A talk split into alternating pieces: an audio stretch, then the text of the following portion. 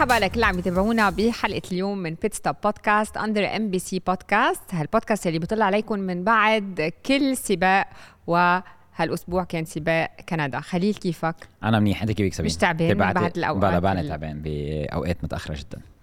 تعبت أكيد تعبت. آه، تعبت شوي من الاوقات الجمعة كان بيتعب بس، صح؟ تجارب الحره الاولى كان فعلاً. بيتعب. فعلا طويلة يعني كانت عليكي.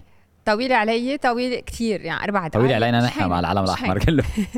مش هينا أربع دقائق كيف بدك تقطعهم؟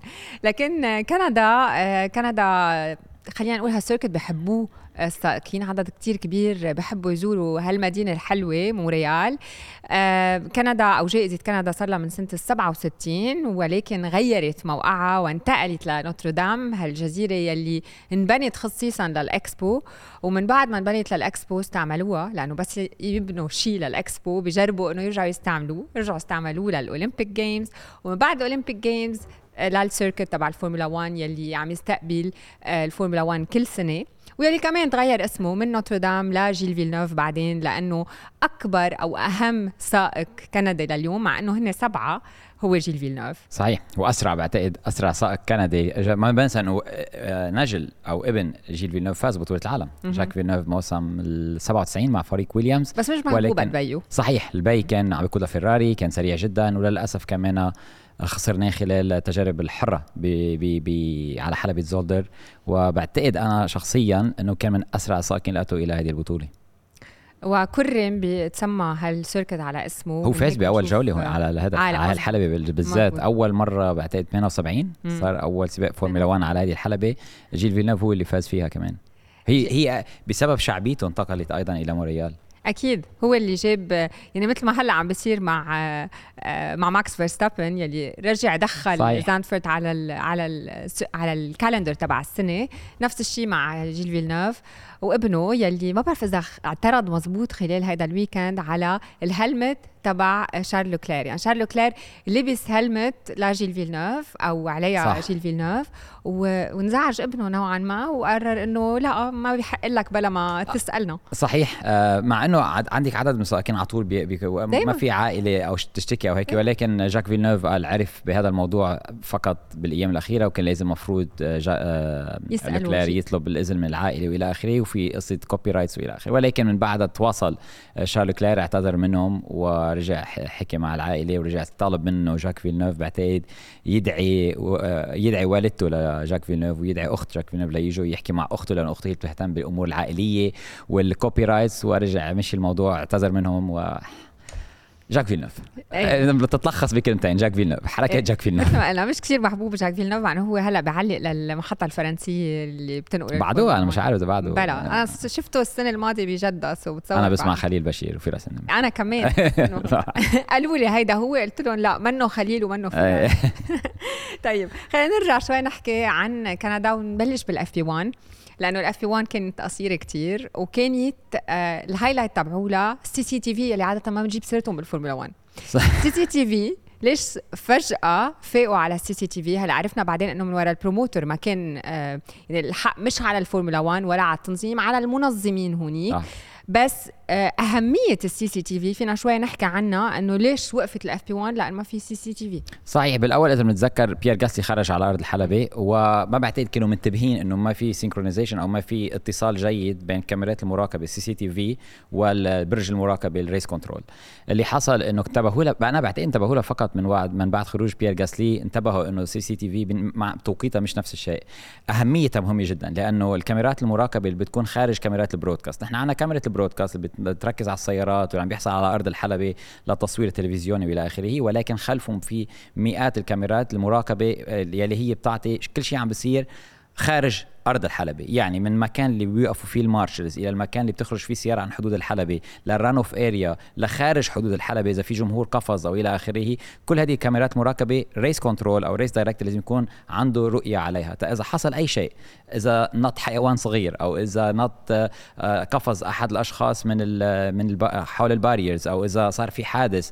آه، ما بيقدر يطلب ال marshals يدخلوا إلا ما يشوفهم وين موجودين ويقول لهم أي ساعة يدخلوا على أرض الحلبة إذا كاميرات غير المراقبة ما كانت شغالة بشكل جيد وكلها على اتصال جيد ومباشر آه، في عامل عامل السلامه بيلعب دور. هلأ المشكلة إنه أنا كنت عم أتكلم عنها تحت الهواء ولكن نحن عم نتكلم عن رياضة تكلفتها المليارات الف الدولارات يعني ما كان عندهم plan B هذه المشكلة يعني نحن يمكن معودين بالعالم عارف في UPS حتى كان في انقطاع الكهرباء على فكرة.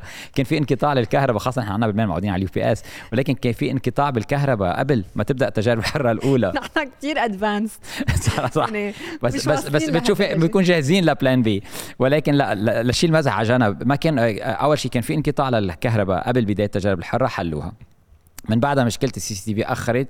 وطبعا إذا ما كانوا جاهزين ل plan B آه ويبدو إنه بين التجارب الحرة الأولى والثانيه مع كل الوقت اللي كان لديهم ما كان بعد مشي حال كاميرات المراقبة. وصلوا لحل إنه لا ما نستعمل كاميرات التلفزيون. اللي وصلوا حل له بعدها إنه كل كاميرا للتلفزيون موجودة تستعمل هي ك CCTV. إذا صار حادث يطبوا من ال cameraman بيوقفوا البث هيدي الكاميرا وبيطلبوا منه يصور حواليها ولكن لحسن حظهم إنه مشي الحال قبل بداية تجارب الحرة الثانية وما بدنا ننسى طولوا تجارب الحرة الثانية لمدة 30 دقيقة إضافية عملوها ساعة ونص بدل الساعتين ولكن الجمهور اللي قتل تجارب الحرة الأولى فقط شاف بيير غاسلي عم بيخرج مع العلم الأحمر وعلم احمر طوال الوقت. يعني منيح كان في FP 2 لأنه في ناس بالفورمولا 1 بس يمكن أوقات ما بيكون عندها ticket لكل ال weekend بيكون عندها ticket لنهار واحد. صحيح بيكون يوم حرام الجمعة. هالناس صح اللي اجوا يكونوا ما قدروا يشوفوا شيء إلا بيير غاسلي صح وسمعنا وسمعنا ساكين على طول عم يتشكروهم إلى آخره. ولكن لنرجع على الموضوع الرئيسي إذا ما في كاميرات المراقبه عم تشتغل بشكل جيد صعب جدا. ال race director بيصير عنده مسؤولية كبيرة على عاتقه افترضي سيارة طلعت عن حدود الحلبة اصطدم بشخص بده يعرف شو عم بيصير بمين شو عم بيصير exactly ولهذا السبب حاليا بعتقد بعد هذه المشكلة لازم يكون عندهم plan B على طول. وال plan B منه سيء ابدا إنه يكون عندهم إذا لا سمح الله صارت خلال سباق أو خلال يوم الأحد. كانت كارثة يتكلوا أكثر على كاميرات ال broadcast يقدروا يقوموا بهذا العمل المطلوب. أو يو بي إس.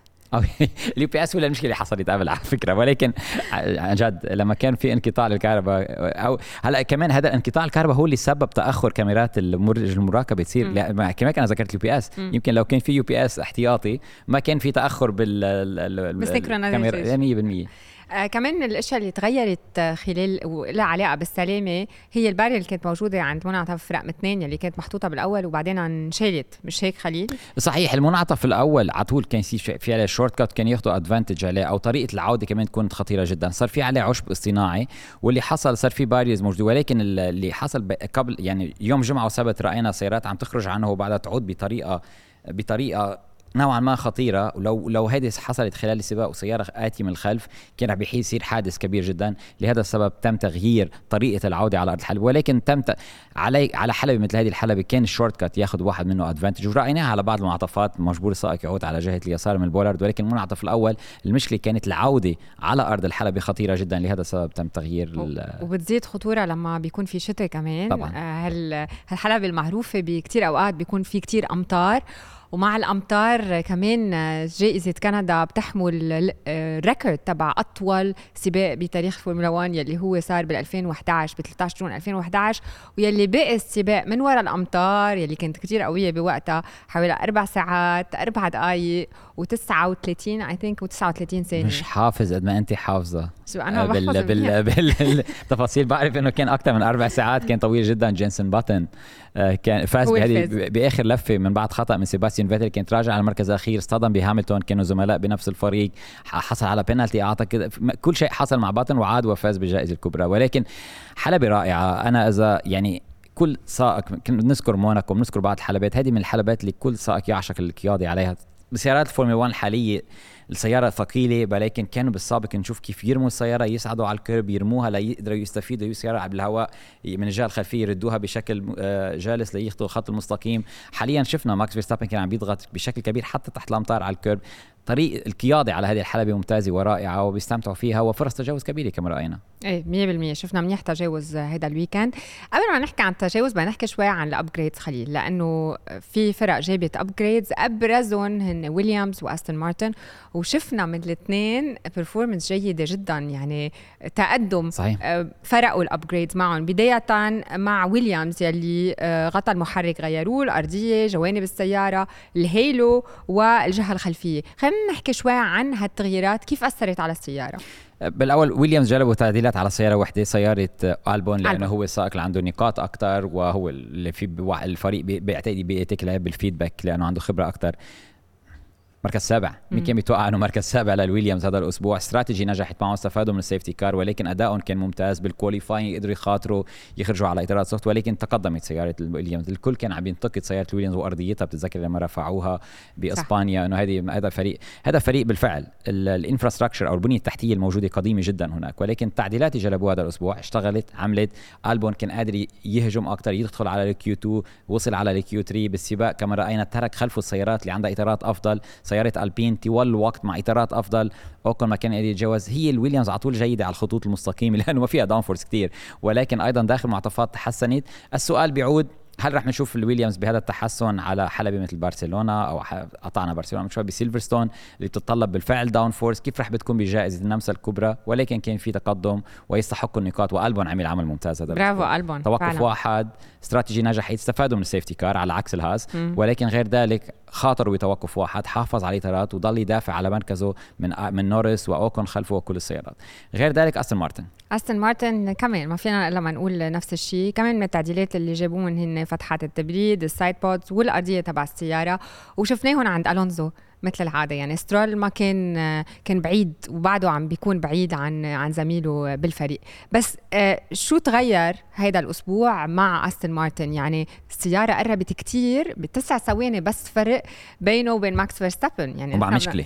ومع مشكلة بسيارته. صح. بعدين صح. اكتشفنا إنه عنده مشكلة الونزو كندا يمكن أقل حلبة بتناسب سيارة سيارة الريد بول وهذا اللي ذكره ماكس فيرستابن وهذا من أكثر الحلبات اللي ما بتناسب كان عم بيعاني إيه.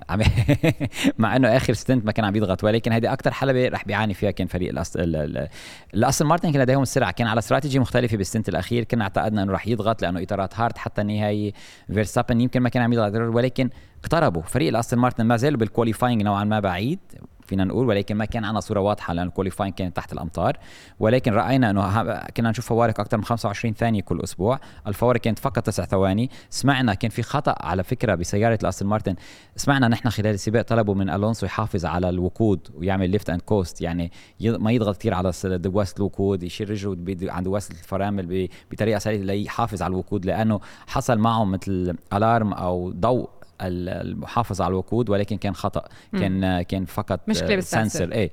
ولكن غير ذلك هنا هنا طلبوا من ألونسو يحافظ شوي على الوقود ليضغط لاحقا ولكن أيضا كان عنده مشكلة بالمكابح الخلفية سمعنا عنها. ما قالوا له كثير عنها ولكن قالوا له انتبه على المكابح الخلفية. غير ذلك كان قادر يضغط. الفرق أقل بكثير من السباقات الماضية. والإيجابيات أيضا غير إنه سيارة الاستون مارتن تطورت تستجيب للتعديلات اللي جلبتها خاصه ال sidepod وتدفق الهواء. خلينا ننتظر برجع بقول نذهب إلى حلبة آه، بريطانيا حلبة سيلفرستون لأنه حلبة downforce بنشوف ولكن إيجابيات كثيرة هذا الأسبوع وخاصة إيجابيات من فريق المرسيدس لأنه كنا عم نتساءل تقدموا بإسبانيا هل رح بيكونوا على نفس النمط هل بيكونوا بهالسرعة؟ رح بيقدروا ينافسوا على البوديوم على حلبة مثل كندا يلي هي أضعف حلبة لهم سيارة سيئة جدا المرسيدس بالمنعطفات البطيئة سمعنا هاملتون من بعد بيقول لهم لألونسو وفيرستابن سيارتكم بالمنعطفات البطيئة كوكب آخر. وهنا إيجابيات كثيرة أيضا لهذا الفريق. ماكس فيرستابن آه، بدي ارجع له شوي لأنه اليوم آه، ماكس فيرستابن صار مخلص 41 فوز رح على 41 فوز مثل أيرتون سينا يعني he's one of the greatest إذا قبلنا أو ما قبلنا. يعني صح. اليوم نطلع بأفضل سائقين بالعالم. كل واحد هيدي كتبتها لأنه مش حافظتها خليل. لكن نرجع لهاملتون 103 فوز. مايكل شوماخر 91 سيباستيان فيتل 53 ألان بروست 51 وفي سينا اليوم وماكس فيرستابن 41 فوز. يعني ماكس آه، قريبا جدا رح يلحق أكيد رح يلحق آه، بروست وبتصور إنه رح يلحق آه، فيتل قريبا جدا بهذا بهذا الموسم إذا كفى بهذا النمط اذا و ماكس مع هيدا الفوز بعده لهلأ يعني امبارح سئل وقال قال لهم إنه أنا مستعد حابب ربحت أول مرة ببطولة العالم. تاني مرة ببطولة العالم ومبسوط آخذها ثالث مرة. بس مش هيدا الفوز المتكرر هو رح يلي رح يتركني بالفورمولا 1 إن اليوم وكأنه ماكس فيرستابن يوم بعد يوم عم بيقلنا أنا عم بزهق لحالي بهيدي السيطرة لريد بول. بعتقد قالها. قال إنه هو ما عم بيستمتع بالسيطرة عم يستمتع بالفوز عم يستمتع بالأرقام وإلى آخره ولكن ما عنده منافس بالوقت الحاضر وكل سائق بده دافع بده حدا يضغط عليه ورأينا على البوديوم. هلأ كان صحيح. عنده عصفور بسيارته. صحيح كان في آه، ضرب ضرب بقي ضرب لا صح. مش بس ضرب طلع إنه بقي بالسيارة بالسيارة صح. تقريبا كل السباق يعني السيارة لا ولكن ولكن ماكس فيرستابن صحيح ما يمكن سائق بالوقت الحاضر. كمان لويس هاملتون لما كان عم بيحقق كل هذه الأرقام ما كان عم بيفكر بالأرقام ما كان عم بيفكر إنه كيف يفوز باللقب هذا الموسم وإلى آخره. ولكن بالنتيجة ماكس فيرستابن من أول ما دخل عالم الفورمولا 1 كان معروف كنا بننتظر على طول أنا على طول بقول بننتظر 10 15 سنة ليجي سائق. رأينا شوماخر سينا رأينا قبل سينا بروست رجع شوماخر رجع لويس هاملتون وحاليا عندنا ماكس فيرستابن وهو سائق العصر بالوقت الحاضر. رح يكسر الأرقام رح يوصل رح يقترب ويستحقها لأنه غير إنه هو طبعا ما عنده كتير محبوب ما, ما يعني عندك محب كل سائق عنده ناس بحبوه وناس ما بحبوه ولكن أنا بتذكر لما كان لويس هاملتون مسيطر خلال التعليق إنه خلص حاج تحكوا عن لويس هاملتون طب مجبورة تحكي عنه عم بي عم بيفوز. ونفس الشيء عم بيصير مع ماكس فيرستابن. فيرستابن رح بيكسر الأرقام رح يلتحق بمايكل شوماخر رح يلتحق ب بلويس هاملتون. ولكن السؤال هل يبقى ماكس إذا ضلت ريد بول بعيده بيبقى ماكس فيرستابن بالبطولة؟ لأنه فيرستابن ما, بي ما هو قال إنه ما راح يكون بالبطولة هو عمره 40 سنة وعم بيلاحق الأرقام. وبالنتيجة ريد بول سيارة ممتازة عم بيستفيد منها سيارة ممتازة موجودة على طول. شوفي بيريز وين؟ وين بيريز 100 فوز لريد بول صاروا 100 ذاكر ما تسأليني. لا لا بذاكر لا بلا بدنا نعمل لك لحظة فيرستابن 41 بيريز خمسة. بعرف إنه فيتل عنده قد إيه؟ 39 أو أقل شوي. 39 فيتل فيتل لحظة كتبته. 38 38 فيتل عندك مارك ويبر 9 9 ريكاردو 6 وريكاردو 7 7 آه والله عندك اياهم قريب كانت بس. قريب. بس صاروا 100 وشفنا بوديوم كثير حلو نهار الاحد لأنه طلعوا عليه أدريان نيوي. جمع جمع إيه جمع أول شيء هالأبطال الثلاثة يلي هن ألونزو و... ولويس هاملتون وماكس ونيوي ونيوي لحاله أدريان نيوي عنده 200 فوز بمسيرته. آه. يعني اليوم فينا نضل نحكي عن كل سائق منهم لبكرة ولكن نيوي هو اللي. وراهم كلهم يلي ساعدهم كلهم لحتى يحصلوا على هالبطولات. ما عدا الونسو الونسو لما فاز ألونسو ببطولاته نيوي ما كان عندهم بالفريق. ولكن هاملتون يعني أكتريت بين هاملتون بس هاملتون لما كان مع ماكلارن كمان نيوي كان ترك. so, أكتريتهم لريد بول نيوي ال100 والبقيه وال100 الاخرين كانوا مع سنة مع سائقين آخرين ولكن فرقهم. بس إيه؟ لا نيوي يعني نيوي نيوي بالنتيجة جميل إنه ريد بول طلعوه على البوديوم يستحق يعني أنا برأيي الشخصي هو أفضل. لازم يطلع كل أسبوع. أفضل. أنا هو هو هو صح من وراه ريد بول مسيطر هو أفضل أفضل مهندس اتى إلى عالم الفورمولا 1 من دون أي شك. من دون شك وهيك بضل اسال حالي وين راح يروح نيوي من بعد ريد بول مش لمحل بعتقد بعتقد ينهي مسيرته بريد بول فيراري حاولوا كتير حاولوا أكثر من أربع مرات. مرسيدس حاولوا على فكرة بشكل جدي. مرسيدس خسروا شخص مهم كان ألدو كوستا. م. ألدو كوستا كان عند فيراري سيطر مع مايكل شوماخر. آه، استغنى عنه فريق فيراري وقت ما أتى ألونسو. ذهب إلى المرسيدس ألدو كوستا كمان من الأشخاص اللي أتوا إلى عالم الفورمولا 1 حققوا نتائج ممتازة. آه، بايرن كمان اللي كان موجود مع فيراري ولكن ادريان نيوي الأعظم.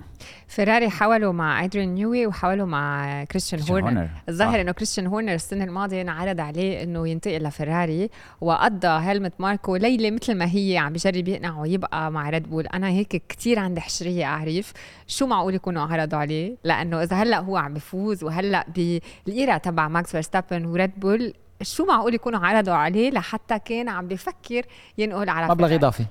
بسهوله هو عايش ببريطانيا هو بريطانيا عائلته ببريطانيا ومبلغ إضافي سهله بس مناقشات بسيطة جدا. وهو قال يمكن دكتور ماركو إنه كلفني بعض الملايين كلفوني فيراري بعض الملايين زيادة. ولكن مثل مثل عقد عقد آه، مدير الفريق بيكون السائق كل ما يفوزوا أكثر كل ما يحقق نقاط إضافية كل ما ياخذوا ال bonus أو ياخذوا ال prize money بنهاية الموسم كمان بيحصل عليهم. مثل اي شغل تاني. أكيد 100% بس خلينا نحكي هيك, هيك عم تجيب سيرة العقد عند السائق. إذا بدنا نقسم العقد عند السائق إذا بتعطينا تفاصيل أكثر على شو بينحط لكل شغلة؟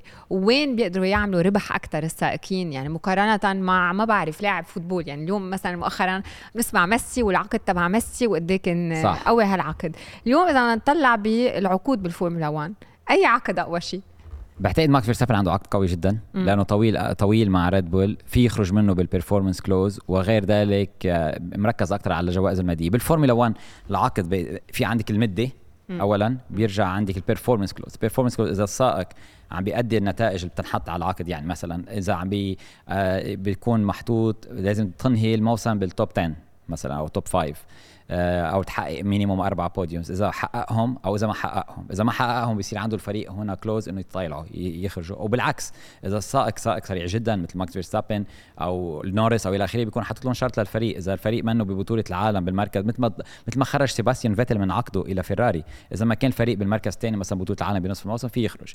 هيدي بال 2019 كنت أسأله لكريستيان هورنر كل أسبوع شو بدكم تعملوا لحتى تتركوا ماكس فيرستابن معكم بالفريق؟ بس عنده عنده عطل 100% ولكن من بعد ذلك تجي قيمه العقد يعني مثلا آه، في في ال salary اللي هو المعاش اللي بياخذه السائق بالموسم عندك كمان ال bonus points يلي ال bonus points بيأتوا من النتائج. يعني إذا طالع على البوديوم مثلا عم بعطي example مليون دولار بوديوم إذا فاز مليونين دولار إذا ال top 10 5000 عم بعطي example بيرجع غير ذلك في توزيع جوائز الماديه بنهاية الموسم بياخذ منهم percentage على كل نقطة قد بياخذ so, غير وال sponsors حتى على ال helmet تبعوله في وكل driver بيبقى له حسب هو وسرعته وإلى آخره بيبقى له أماكن على ال helmet مثلا. بعطي مثلا مين بعرف بيريز عنده موقعين على ال helmet ما زالوا هودي له هو يبيعهم sponsors قدر المستطاع بيقدر يجيب بده إياه عليهم. م. وكمان عنده كل driver بيكون موقعين على البدلة أو موقع على البدلة. so عنده عنده عقد سائق الفورمولا 1 أعلى بكثير من الناس بتتخيل نحن نشوف أرقام نشوف هذه. ولكن العقود ما بتجي من المعاشات بتجي أكثر من ال prize money من ال bonuses من ال sponsors طيب حكينا شوي عن شو صار هال weekend و وزحنا على جنب بالحديث عن الكونتراكت بس بدي أرجع لهال qualifying اللي كان qualifying حماسي. آه كان wet كان الدنيا عم بتشتي كان في كتير عقوبات من بعده. آه أبرز هالعقوبات هن لهولكنبرغ أول شيء لأنه هولكنبرغ أول مرة بيخلص أو بي بي كان رح ينطلق من آه، الصف الأمامي اللي هو المركز الثاني ولكن رجع من وراء العقوبة لأنه ما احترم العلم الأحمر. خلينا ندردش شوي عنهم آه، خليل. أنا بعتقد هولكنبرغ أول ما اتت الأمطار بتعرفي إنه في عندك سائقين رح رح رح يستخرجوا كل شيء من السيارة وهولكنبرغ واحد منهم كان معروف أول ما اتت الأمطار لفتوا بال Q 2 على إطارات slicks كانت رائعة اللي تأهل فيها ل Q 3 آه هو تأهل بالمركز الثاني طبعا استفاد من العلم الأحمر. سيارات فيراري ألونسو خلفه كم على الأرجح بيكون أسرع ولكن سيارة الهاس ما بعتقد سيارة قادرة تدخل Q 3 بهذا الشكل وشفناها قد عم تراجع بالسياره ولكن هوكنبرغ استخرج كل شيء قام بعمل جيد ولكن بعد ما انهى لفته السريعه ظهر العلم الأحمر بسبب حادث بياستري. اللي بيصير بيظهر على مقود السيارة آه، وقت معين لكل sector أو للفه الكاملة. لازم السائق يكون أبطأ من هذا الوقت وبصير يعمل beeping بالأذن إنه إذا كان أسرع أو أقل. صار يعمل beeping ولكن أذن هولكنبرغ صار له فتره برات الفورمولا 1 على فكرة.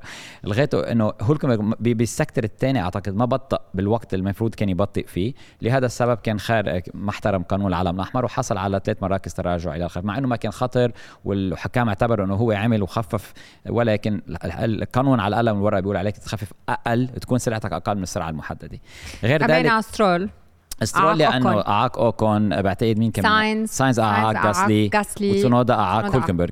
so كلهم تراجعوا ثلاث مراكز إلى الخلف هودي السائقين وكان في خلط للأوراق ولكن الأمطار خلطت الأوراق. أول ما شفنا الأمطار يوم السبت بالتجارب الحرة الثالثة بتعرفي لما يكون في qualifying تحت الأمطار في مفاجآت. الاسوء نتيجة برأيي الشخصي كانت للوكلير وبيريز لك خاصة فيراري هيدي هذا الأسبوع كان عنده فرصة ذهبية للبوديوم إذا مش أكثر لأنه سيارة فيراري كان جيد الجمعة بال long run ويبدو إنه فيراري لاقوا حلول للاطارات لا حتكلم عنها لاحقا.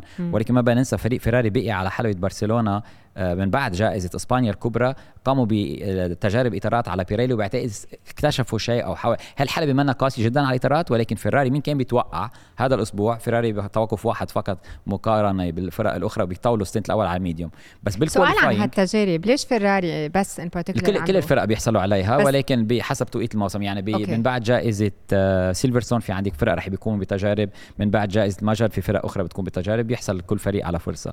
ولكن فيراري بالعودة لهم بال qualifying شارل كلير خرج قال لهم أعطوني slick الحلبة جافة قالوا له لا عمول لفة. وما بقى ننسى هو الفريق عمل قام بلفة على إطارات ما كانت لفة سريعة كافية لأنه تحميه الإطارات ما كانت جيدة معه. طالما فيرستابن نفس الطريقة عمل لفة أمن دخوله وبعدها ذهب على إطارات slick وحسن زمنه. في ناس يخطئوا في ناس لا يخطئوا يعني. صحيح هو الفرق في في سيارات تقدر تحمل إطارات بشكل جيد سيارات لا. ولكن لكلير طلب من الفريق وكان عم ينتقد الفريق أكثر من مرة هذا الأسبوع. ولكن لو تأهل أنا برأيي لو تأهلوا إلى ال Q3 فريق فيراري كان على البوديوم هذا الأسبوع. 100% خاصة إنه خلصوا بالسباق آه، رابع وخامس. استفادوا من safety strategy إيه خلينا نحكي شوي عن الاستراتيجي تبع فيراري لأنه كنتوا بالتعليق آه، نازلين فيهم ل آه الله يسامحني. أنا أنا حق علي أنا. اعتذر أنا.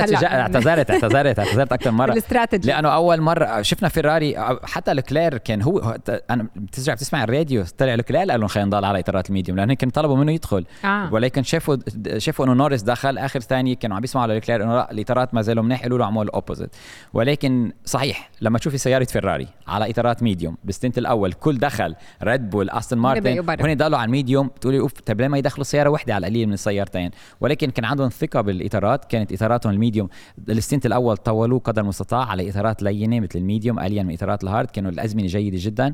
وصراحة إن شاء الله يكونوا عن جد فيراري لاقوا حلول لأنه بدنا منافسة أكثر في أجمل منها يكون عندك ثلاث أربع فرق عم تنافس مع بعض لا. وخاصة إنه فريق فيراري يرجع المنافسه لأن لشعبيه الفورمولا 1 هذا شيء جيد.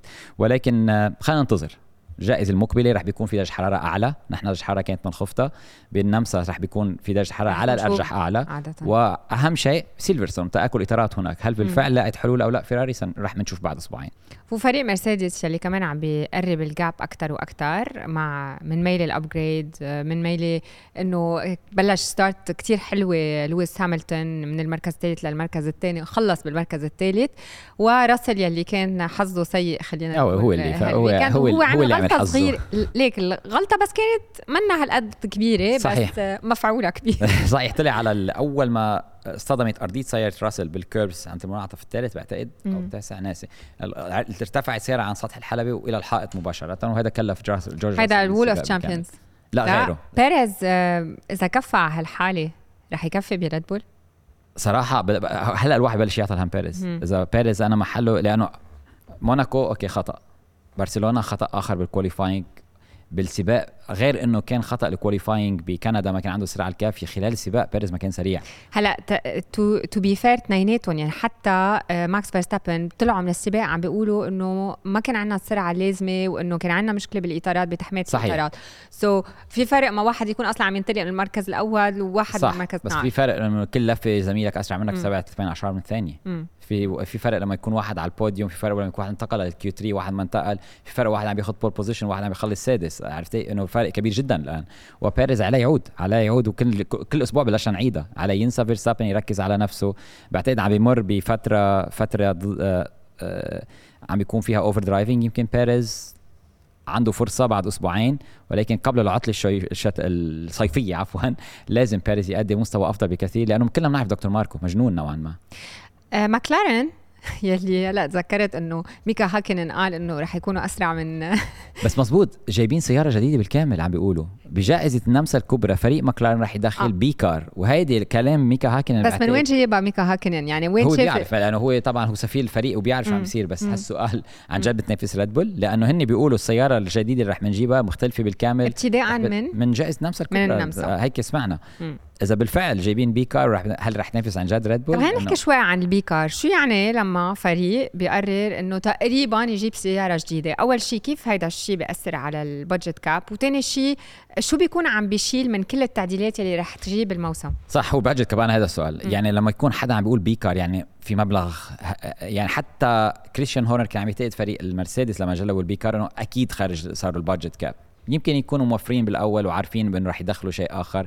بنعرف لاحقا لما م. لما يقدموا كل أوراقهم بنشوف إذا في فريق تخطى الميزانية المحدودة. ولكن بالنسبة للمكلارن من بداية الموسم لما رحنا على التجارب الشتوية كان ظاهر إنه السيارة سيئة جدا. وعم نشوف يوم السبت جيده الهاس قديش جيده السياره يوم السبت في تراجع.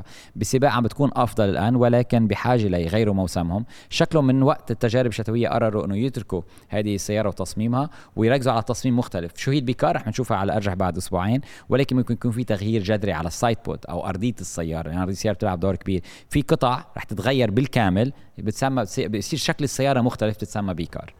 وليه برأيك اختاروا إنه يجلبوا هال B car على النمسا أو سيلفرستون؟ أنا بعتقد رح يجيبوا نصف التعديلات للنمسا والنصف الثاني بسيلفرستون. النمسا لأنه هي حلبة مشابهة نوعا ما باللي نحن كنا فيها كندا اللي فيها. آه، خطوط مستقيمة طويلة جدا.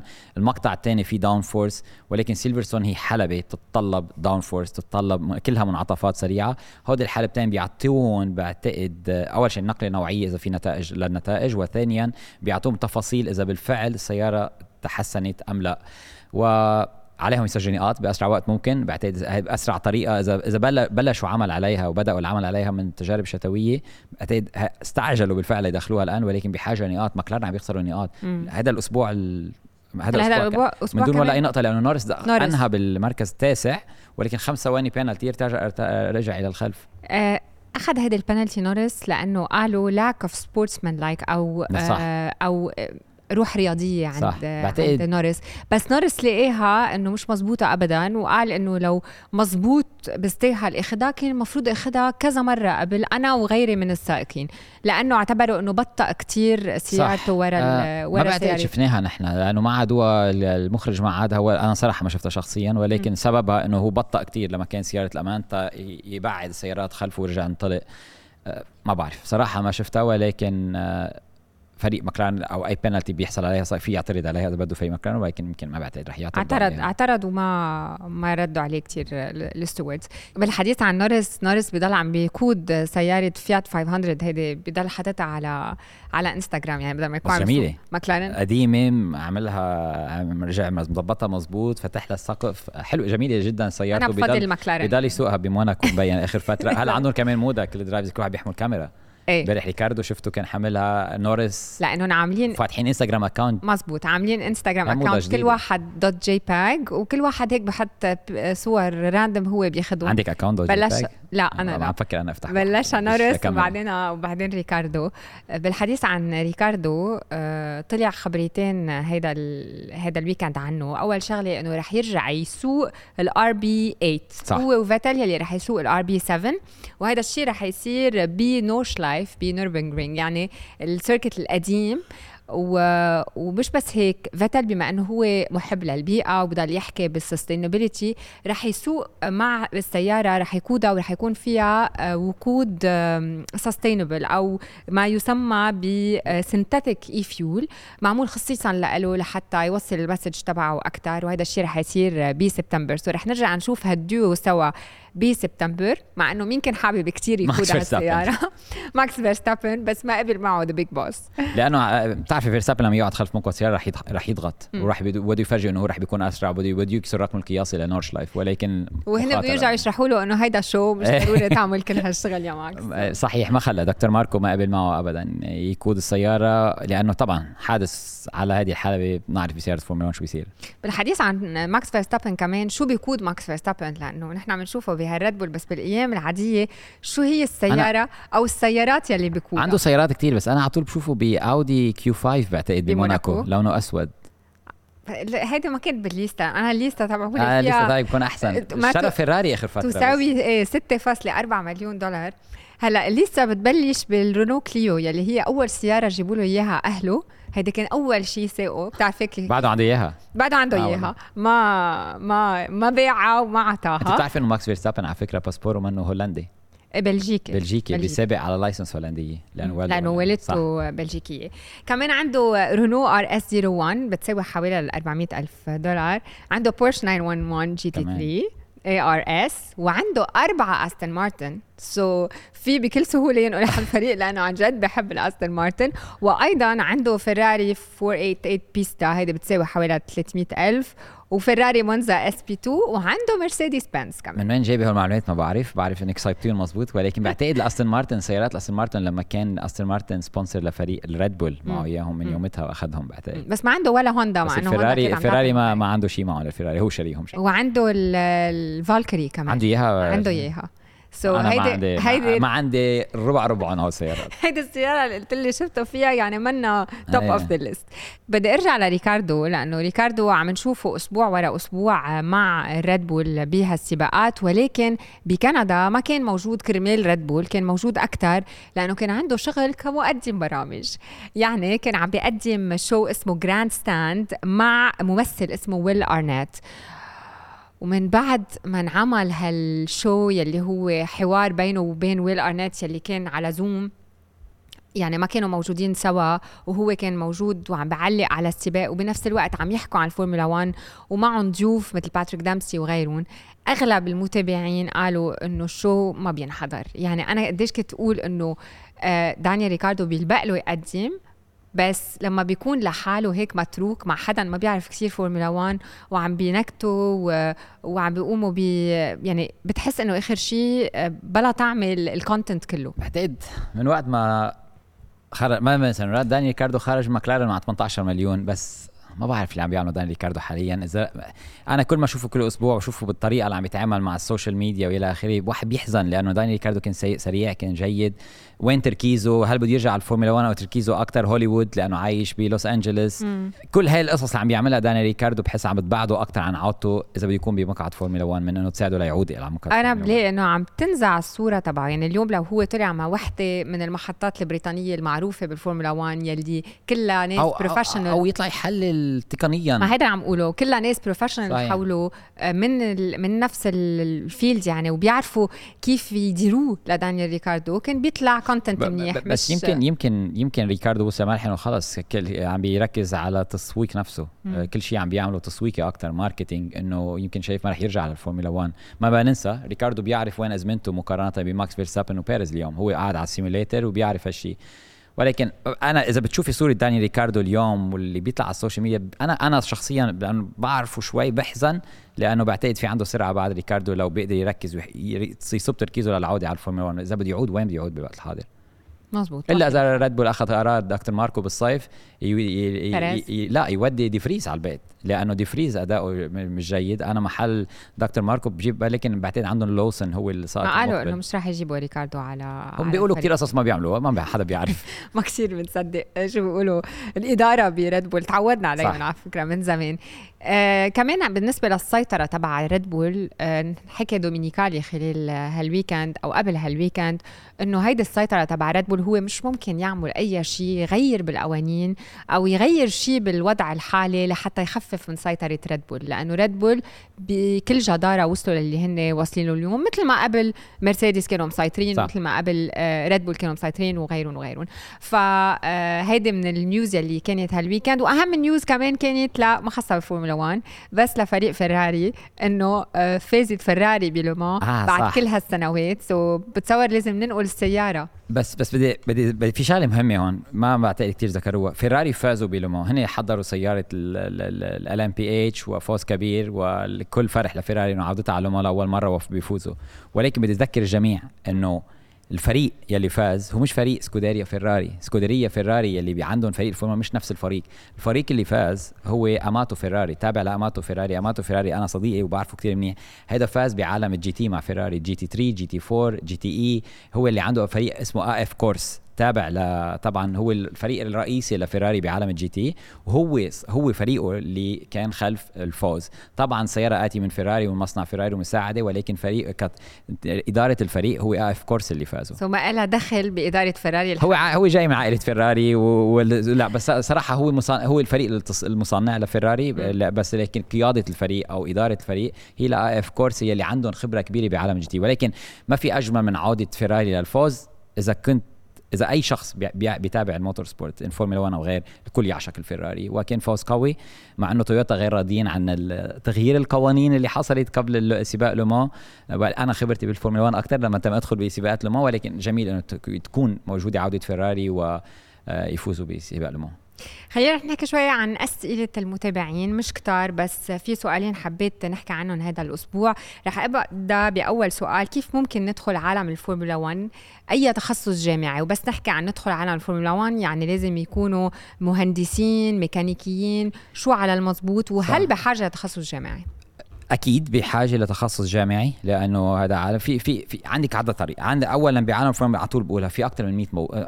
تقريبا 100 100 وظيفة عندك. سائقين مهندسين ميكانيكيين PR marketing مهند... آه محامين آه طباخين من مين وحتى لما نتكلم عن المهندسين في في أكثر من مجال بالهندسة. يعني عم تحكي power train بس كانه كأنه اللي سال السؤال حابب يعرف بمجال خليني أسهلها. بمجال الهندسة بسهولة على كل شخص دارس electro engineering أو mechanical engineering أكثر من بعدها في يقوم بذهب موسم سنتين يقوم بتخصص ب motorsport engineering motorsport engineering في عدد من الجامعات موجودين وهذا بيساعده كثير ليدخل عالم الفورمولا في منهم مش ضروري يدخل بال motorsport engineering. إذا عامل mechanical engineering أو electro أو أو أي نوع من engineering بيقدر يلاقي طريق ليدخل عالم الفورمولا 1 ولكن بده يكون عنده خبرة اكتسبها قبل دخول الفورمولا 1 مثل الفورمولا 4 فورمولا 3 في يكون race engineer في يكون power train engineer في هلا حاليا بعالم ال motorsport power trains الكل عم ينتقل لل power trains لل hybrid cars وإلى آخره. في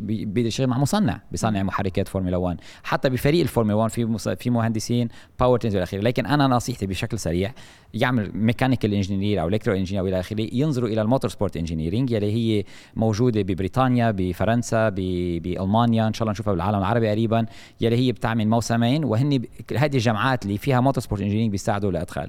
إذا بده يدخل كميكانيكي مش بحاجة يكون عنده تخرج جامعي لأنه الميكانيكي هي أكثر شيء خبرة. يكسب خبرة مع فرق فورمولا 4 فورمولا 3 وبعدها يذهب إلى الفورمولا 1 وفي colleges خاصة مثلا بسيلفرستون عندهم colleges ما بتكلف الكثير واحد بيدرس فيها وبيدخل عالم الفورمولا 1 يعني ميكانيكي بدل بدل المهندس. وبعد سؤال أخير عن ال engine mode أو ال modes تبع المحرك. شو هن وشو الفرق بيناتهم بشكل كتير سريع. يعني ما بننسى بالفورمولا 1 حاليا في القوة اللي بتجي من في ال ICE ICE هو المحرك ولكن في ام جي يو كي ام جي يو اتش اللي بيقوموا بت... وفي شحن البطاريه ال engine modes السائق بنسمع على طول المهندس بيقول له يغير ال mode. في عندك mode الهجوم يلي بيقدر عم بيستهلك أكثر من محرك وأكثر من شحن البطاريه والام جي يو كي اتش والاتش أو لما يكون عم بيدافع بغيره. يعني هيدي mapping هي مثل خريطه بتتغير للدفاع للهجوم للشحن. في عدة شباب وين التركيز بيذهب هل هي ال mode أو خريطة الشحن أو هي خريطة الهجوم ليستعمل كل القوة اللي جمعها أو هي خريطة بس بتركز أكثر من المحرك من دون ال MGK يعني عندك تسع خرائط تقريبا لكل محرك. الأسبوع المقبل فورمولا 1 رايحة على بيت ريد بول الهنغارورينغ بالنمسا بالتحديد ب آه، بشبيلبرغ يلي هي منطقة راقيه بدك تكون بس رايح لتحضر هال GP لحتى تروح بعيده عن كل شيء بس هي مكان المفضل لماكس فيرستابن أيضا لأنه سبق وفاز عدة مرات هونيك من أكثر الفائزين وأيضا تناسب الريد بول. خلينا ندرج بشكل كثير سريع عن هالحلبة. الحلبة فيها خطوط مستقيمة طويلة المقطع الثاني بده منعطفات بده يكون واحد بالتضحية. هل بيركز على الخطوط المستقيمة منعطفات تجاوز هناك فرص تجاوز كثيرة من أقصر الحلبات كحلقه طول الحلبة ولكن رائعة. حلبة جميلة جدا فيها صعود ونزول. الريد بول المفروض تكون جيدة عليها ولكن أيضا فيراري على طول جيده عليها. أستون مارتن بالصورة اللي ظهرت فيها آخر فترة.